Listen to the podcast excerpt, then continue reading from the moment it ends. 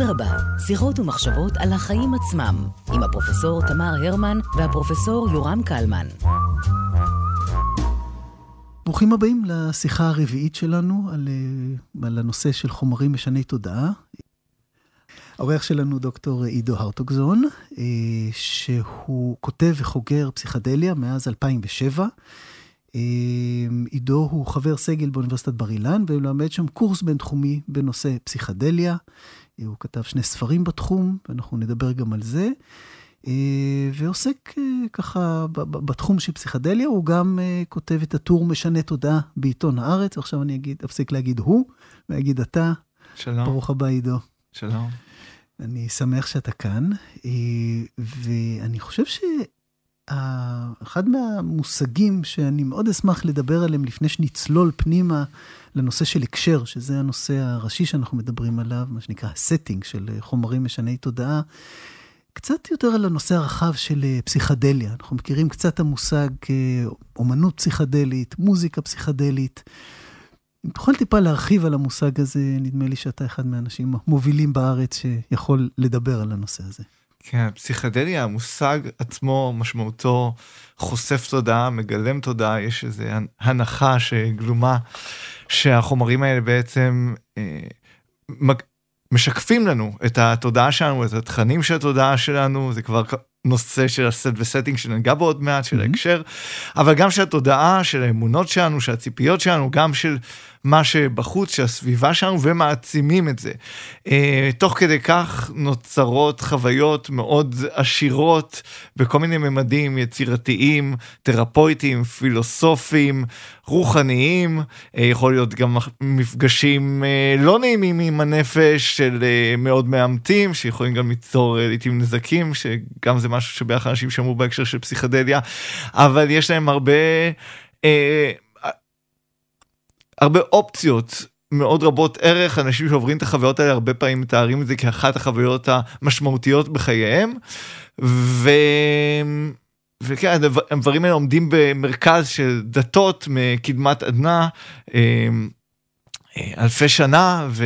ועד היום, ומובילים אנשים אמ, לאיזשהו מפגש יוצא דופן עם עצמם. אז כשאנחנו מסתכלים על יצירות פסיכדליות באמת בהקשר של אומנות או מוזיקה, אומנות, מוזיקה. אה, אה, האם היצירה עצמה, מה שמעניין שם זה שזה תוצר של חוויה פסיכדלית, או שזה אמור גם לחבר אותנו לחוויה כן. לשקף את החוויה הפסיכדלית?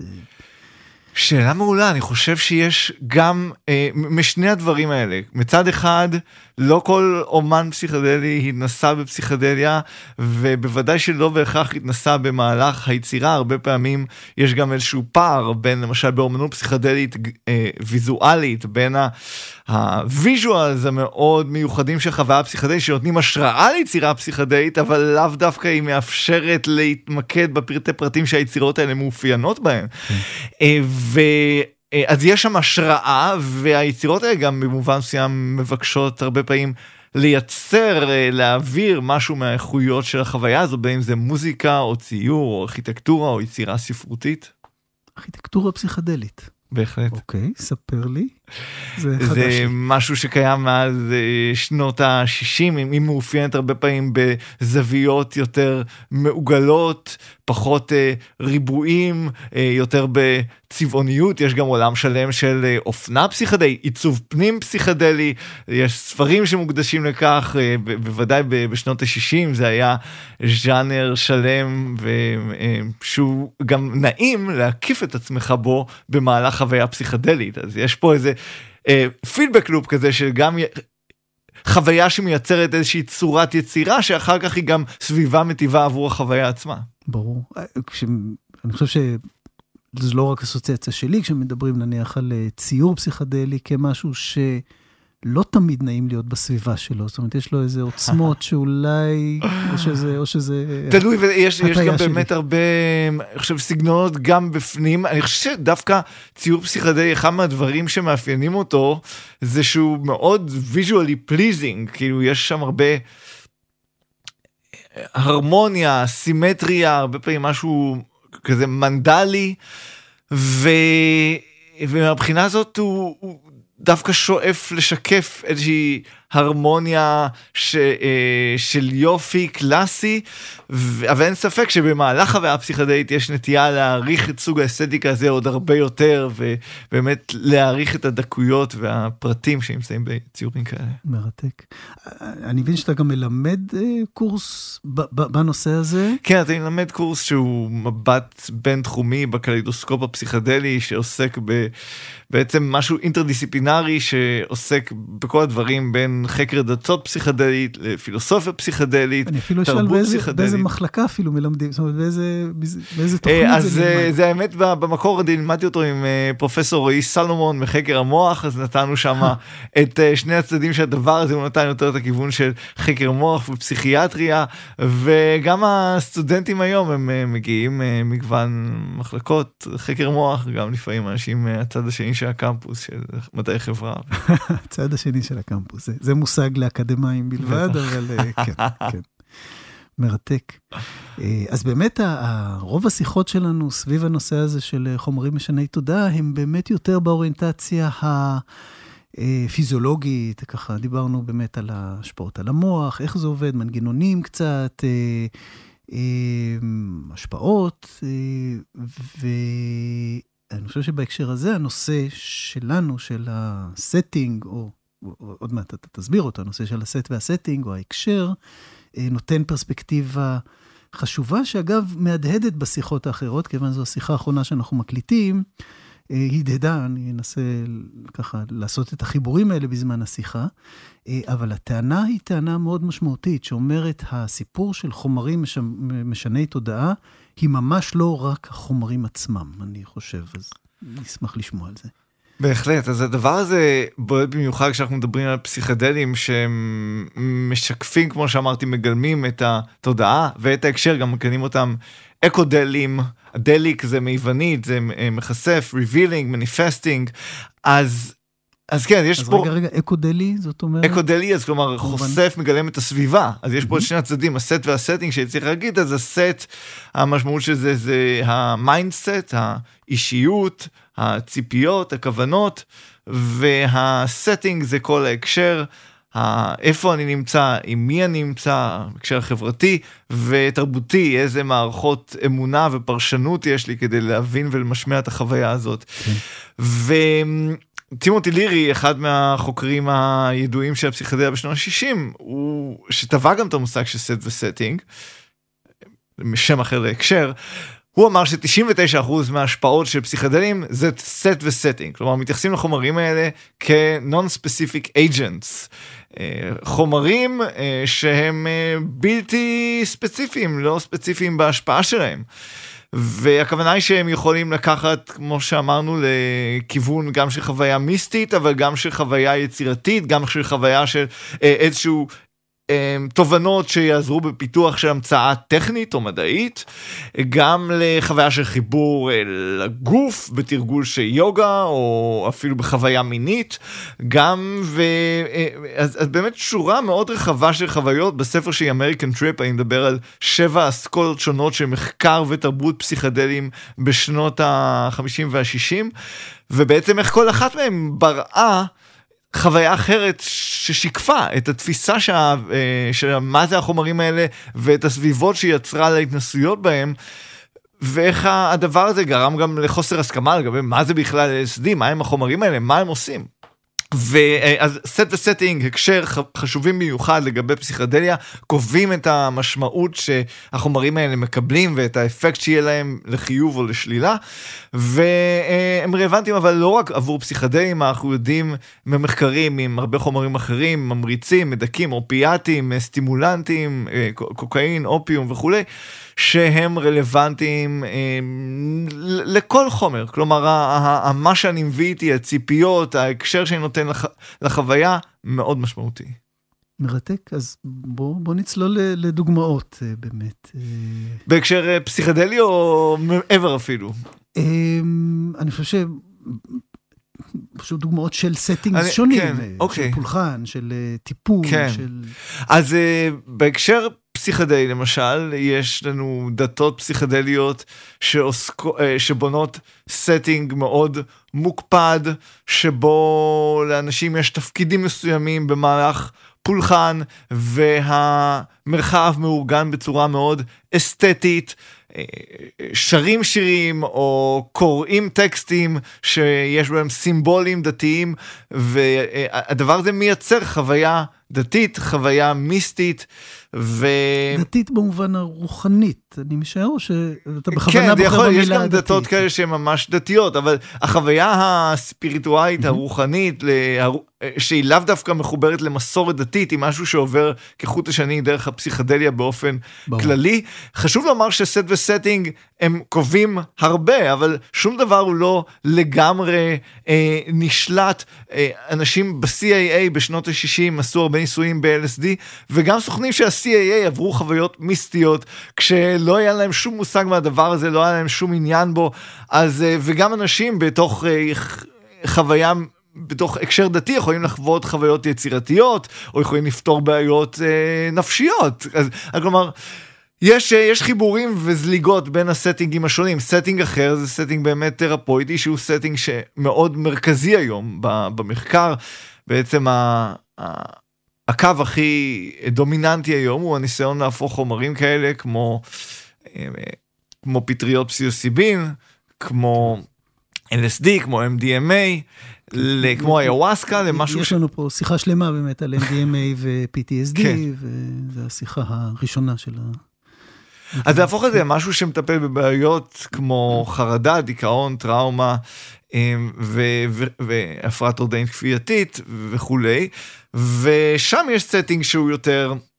אם ה setting הטקסי הוא setting שבו אני עם קבוצה של אנשים בקהילה אז כאן ה setting הוא יותר אני ומטפל, וכאן ה setting הוא שאני הולך למסע פנימי, ויש איזושהי מסגרת של פרשנית של שיטת טיפול, שבה גם מכינים אותי לקראת עבודה על בעיה מוגדרת שאני בא לעבוד עליה. והתוצאה פה היא תהיה שונה מאשר ב setting אה, רוחני. ויש, אה, אני אסיים עם עוד איזה setting באמת שיקח אותנו למקום אחר לגמרי, שזה ה setting. הכי פופולרי בתרבות שלנו, שלמשל מסיבות טבע, מסיבות טראנס, מסיבות אסיד, הדברים האלה זכו לכל מיני שמות שמשביעים בהם, שמגיעים להם אה, מאות או אלפי אנשים שרוקדים ברחבה, אה, תוך כדי שהם משתמשים בחומרים משני תודעה. אסיד או LSD, אה, חומר מאוד אה, מרכזי שם, למרות שהרבה פעמים זה גם, באזורים האלה יש poly drug use, אז יש שימושים בכמה סמים גם יכול להיות אחד עם השני, ויש שם משהו שהוא גם יותר כאוטי ב setting הזה, גם אנשים לא באים עם כוונה מוגדרת עד כדי כך בדרך כלל, כמו באדם שבא לטקס דתי או לטיפול, גם הסביבה היא הרבה אנשים לא מוכרים, בניגוד למטפל או לקהילה הדתית שלי, ו... וגם אה, אני פחות אולי יודע מה בדיוק אני צורך, פחות האם מכוון לגבי הדבר הזה, ו- אבל גם בזה יש משהו ריטואלי במובן של אנשים שמגיעים ונמצאים ברחבה מ- מהלילה עד הבוקר ועוברים משהו ביחד, והם חווים הרבה פעמים גם חוויות תרפויטיות או רוחניות בתוך הדבר הזה. כן, או אגב, יכול להיות גם הפוך מתרפויטי. או כן, או חוויות גם... מצלקות, בהחלט. כן. כן, אז זה, דו, זה דווקא setting, אני חושב ש, שיכול לעניין את, המאזינים, כי זה setting, מהדוגמאות שנתת, זה למעשה setting שמוחזק באופן מאוד אה, רופף. אה. בהחלט. אה, אז, אז זה setting שהוא הרבה יותר גם בעל, סכ... בעל סכנות, הוא גם יותר נגיש לרוב האנשים, כן. גם, והוא גם... יש בו משהו ששקף את החברה שלנו היום, שהיא חברה יותר צרכנית אה, וכאוטית, בלי מבנה מאוד מוגדר, ובו בזמן יש בו, אה, אז, אז יש לו גם את הסכנות שלו, ויש בו גם את התרבות שלו, שהיא תרבות שמזכירה, כלומר, אני יודע שהייתה פה אורחת שדיברה על שימוש בחומרים בעולם העתיק. כן. בעולם העתיק היה שימוש עשיר בפסיכדליה, בדברים כמו המיסטריות של אלויזיס ביוון העתיקה. ואני, כשיצא לי להיות במסיבות כאלה, לפעמים אמרתי לעצמי, וואו, זה כמו המיסטריות של העידן הנוכחי, כלומר, אלפי אנשים שמגיעים ועוברים איזה חוויה רוחנית באיזה הקשר קצת דיוניסי כזה של אה, אה, מאוד כאוטי אבל מרגישים שם משהו פולחני מאוד עוצמתי. ובהחלט חלק מהאנשים יחזרו הביתה עם, עם, וירגישו שנפתחו עבורם אופקים חדשים, וחלק יעברו חוויות מאוד קשות, ובמסיבות האלה צריך לומר, גם יש ארגונים שעושים עבודת קודש, שמתנדבים מתוך הקהילה הפסיכדלית, שמגיעים בעצם, אה, סאחים או לא על שום חומר, ומקימים מתחמים שהמטרה שלהם זה בעצם... לטפל, להציע מזור ותמיכה לאנשים שעוברים חוויות קשות כאלה, כשהרעיון שנתמך גם במחקרים זה שגם בן אדם שעובר חוויה מאוד קשה כזאת, שהוא, לא יודע, עבר משהו שקשה לו להתמודד איתו, אם מביאים אותו למקום הזה שיש איתו אדם שמחזיק לו את היד ואומר לו, אתה, אתה פה, אתה במקום מוגן, ופשוט תנשום לתוך זה, ולקח את החומר, וזה יעבור, אז החוויה המאוד קשה הזאת יכולה להפוך למשהו מרפא שלא חייב להיות מצלק. ברור.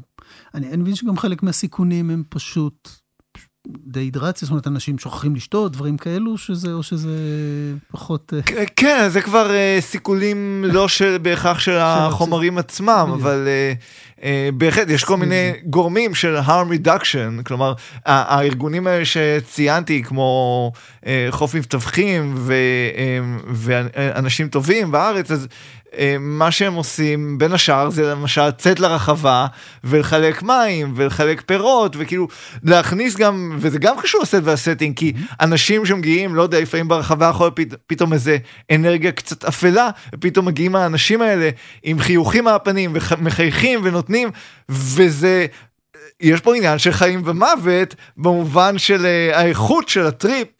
שאנשים עוברים, שאם אמרנו ה set וה setting זה לא החומר, זה איזושהי מכונה, ואם מכניס א' ויוצא ב', אה, זה יכול פתאום לקחת מישהו שאולי היה ברגע קשה, והוא רואה את האנשים המחייכים האלה, והוא מקבל קצת סוכר עם איזה אפרסק, ומשהו כזה נפתח, ופתאום עוד פעם יופי, הוא עולה על הגל, איזה גל חיובי כזה. ברור. אני, כשמדברים על set and setting, אני תמה עד כמה ההבדל בין ה... בין היחיד לבין הקבוצה בא לידי ביטוי. כי ה... אני חושב שבתפיסה ה... אה, הפופולרית יש איזשהו מתח בין הסתכלות על חומרים משני תודעה כמשהו שקורה לי עם עצמי, מול משהו שקורה בקונטקסט של קהילה, קבוצה, אה, אה, בקונטקסט חברתי.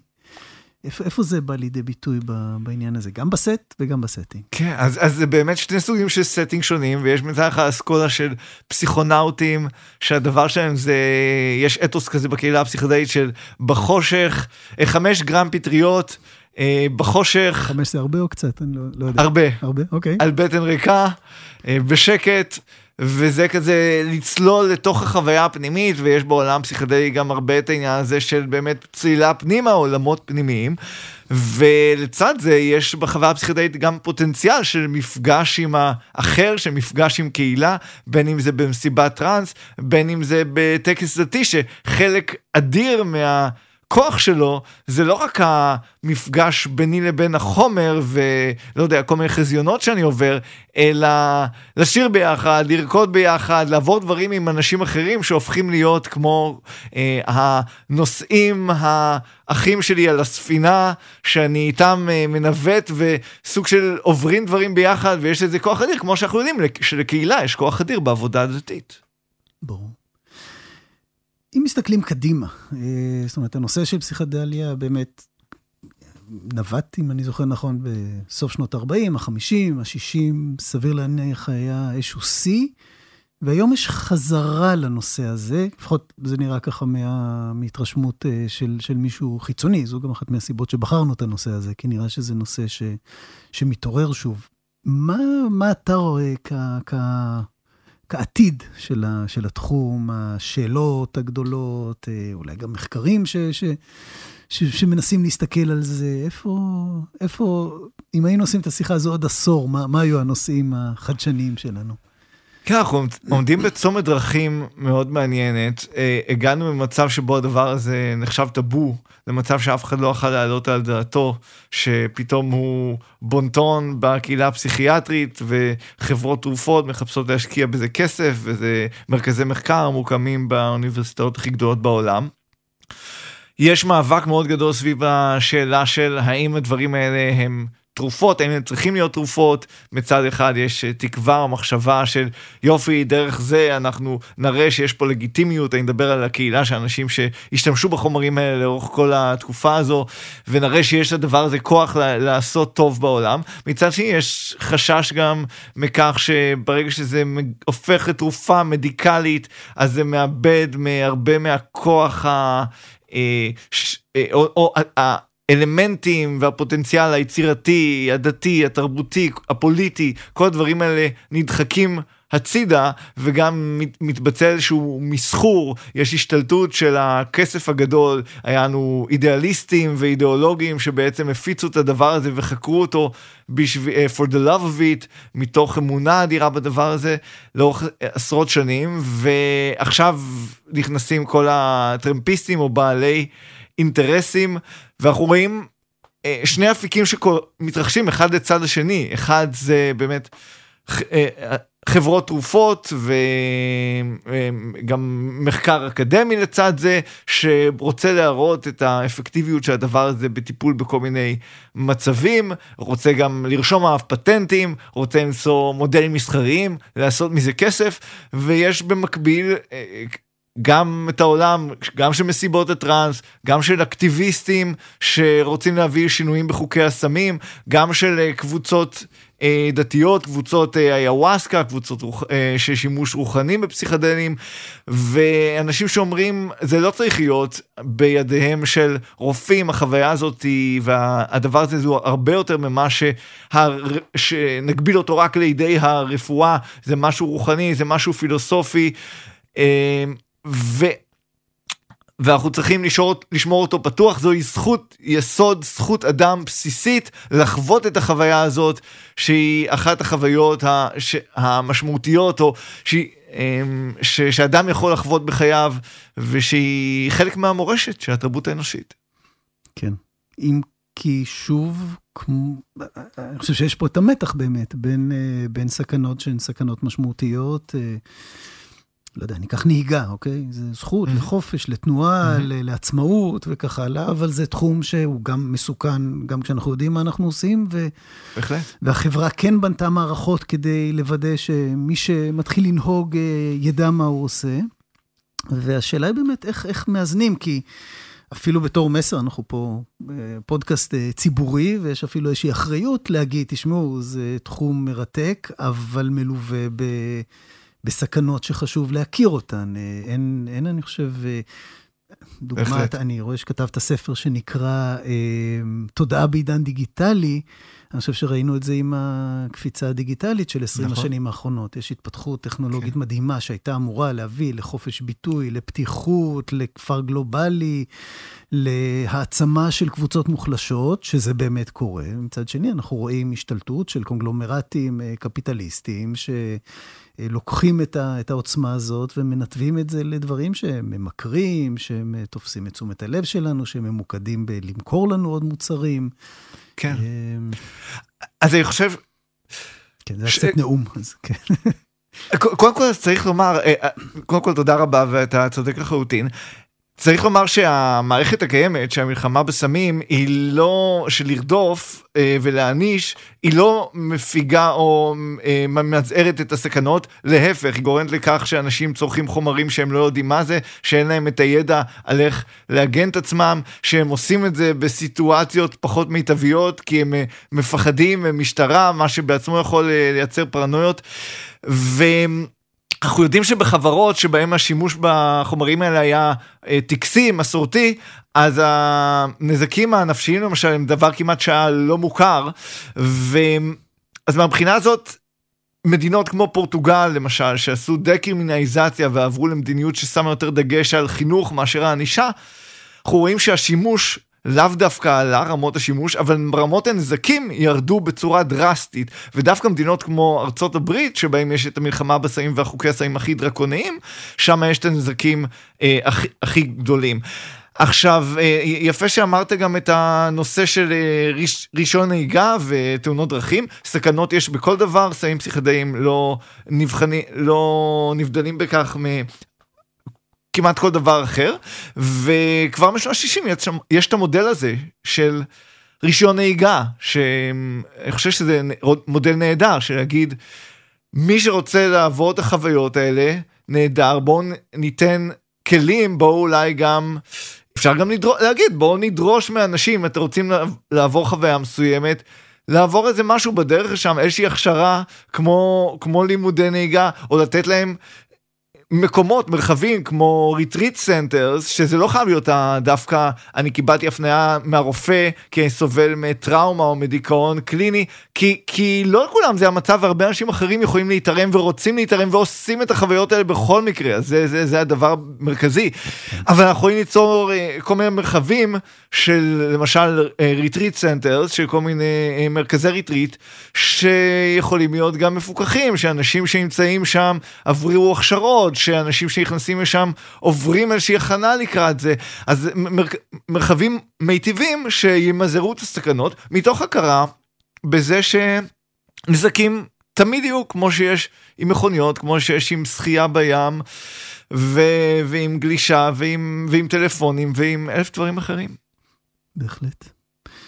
דוקטור הקטוזון, אני חושב שזה סיכום uh, מצוין לשיחה מרתקת.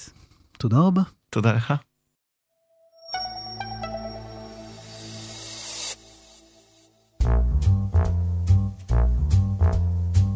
אדרבה, שיחות ומחשבות על החיים עצמם, עם הפרופסור תמר הרמן והפרופסור יורם קלמן.